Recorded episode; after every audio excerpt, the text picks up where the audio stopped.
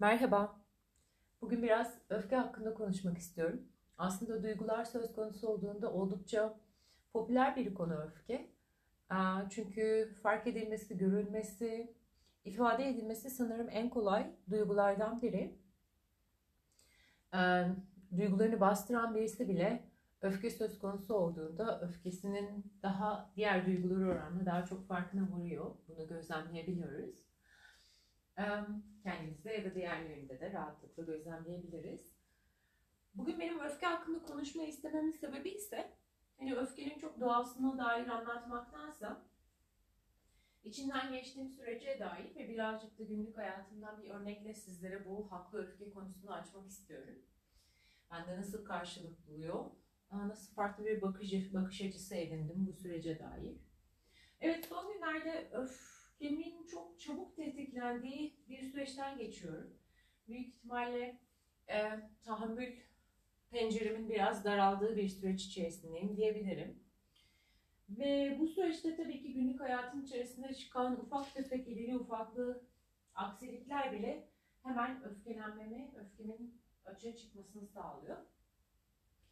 Bunları gözlemlemek kolay ve bunları belki regüle etmek kolay iken geçen gün trafikte deneyimlediğim üstüne üstlük kendimce acıma olduğunu söyleyebilirim hala. En azından yeni bir şoför olduğunu söyleyebilirim. Üstelik e, şehir trafiğinde.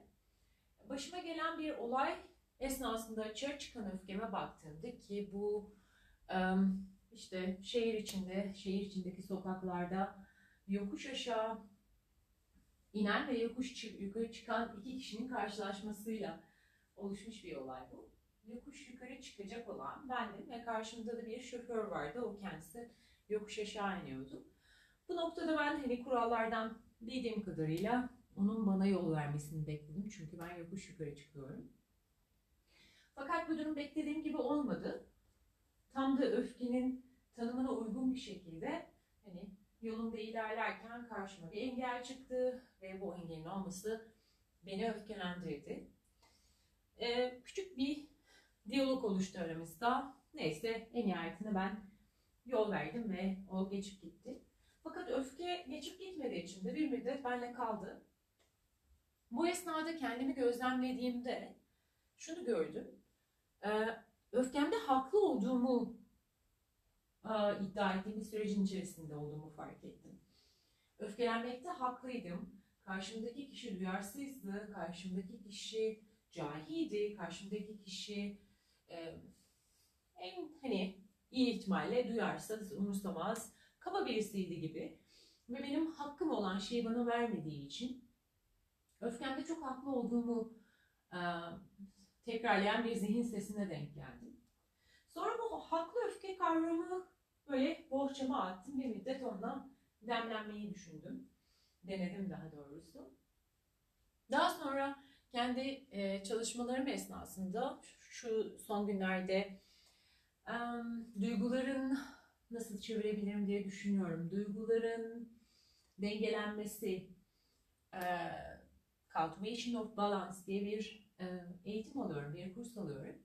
Orada Lama Ellen Wallace ve yine bir duygu um, bilimi, bilim insanı um, Eva Ekman ikisinin beraber sunduğu bir um, kurs bu, bir eğitim bu. Bu eğitimde tam da hani benim bu işte haklı öfke, öfkemde haklı olduğum e, noktasında ders aldığım eğitimde öyle bir yere denk geldim. Ellen Wallace Santa Barbara Enstitüsü'nün bilinç çalışmalarını yapan kurucusu ve aynı zamanda Dalai Lama'nın resmi çevirmeni, danış, danışmanı, tercümanı, Tibet Budizminden İngilizce'ye çevirmiş olduğu birçok kitabı var. Benim kendisinden çok ama çok beslendiğimi söyleyebilirim. Özellikle de Dzogchen ve Tibet Budizmi üzerine. Ve burada bu eğitimde işte şefkat ve iyi insan olma, iyilik etme, neşe, keyif konularına denk geldiğimizde tam da bu noktada bu haklı öfke, öfke kavramını biraz açmıştı. Ee, şöyle bir ne diyelim şöyle bir yaklaşımı var. Haklı öfke ki bunu hani biraz daha açarsak benim durumumda çok basit bir örnek aslında. Daha büyük örneklerde özellikle tutunacağımız bir kavram bu haklı öfke. Mesela diyelim ki yolda birisinin bir hayvana, bir canlıya, bir insana zarar verdiğini gördünüz.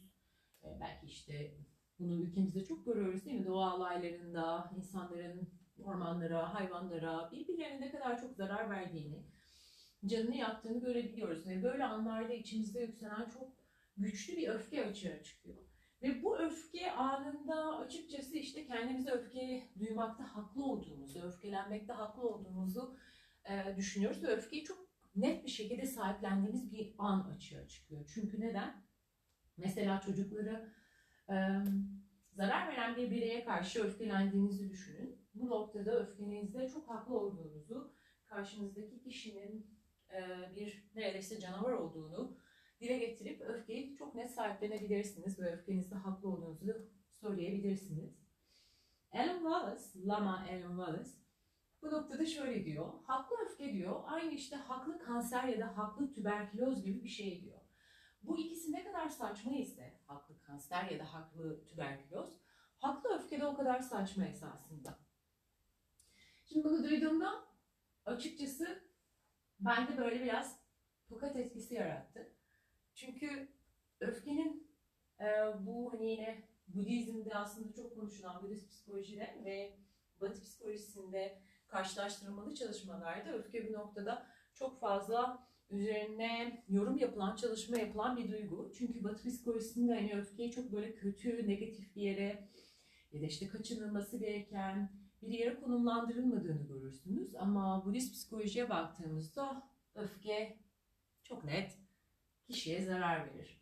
Hani öfke küpüne zarar verir atasözü Budizm'de çok net bir karşılığı var diyebilirim. Dolayısıyla işte öfkeyi açığa çıkarmak, öfkeni göstermek, öfkeni ifade etmek gibi böyle e, Batı psikolojisinin birçok ekolünde desteklenen bu tavır Budist psikolojide pek bir karşılığı yok açıkçası. Çünkü öfke zarar verir nokta gibi bir karşılığı var. Ve bir de üstüne üstlük haklı öfkeyle biz bunu hani bir şekilde e, haklı göstermeye çalıştığımızda da Alan Wallace diyor ki nasıl ki haklı kanser var diyemezsiniz, haklı öfke de var diyemezsiniz. İkisi de zarar verir, ikisi de ikisini de bedeninizde tutmak istemeyeceğinizden eminim.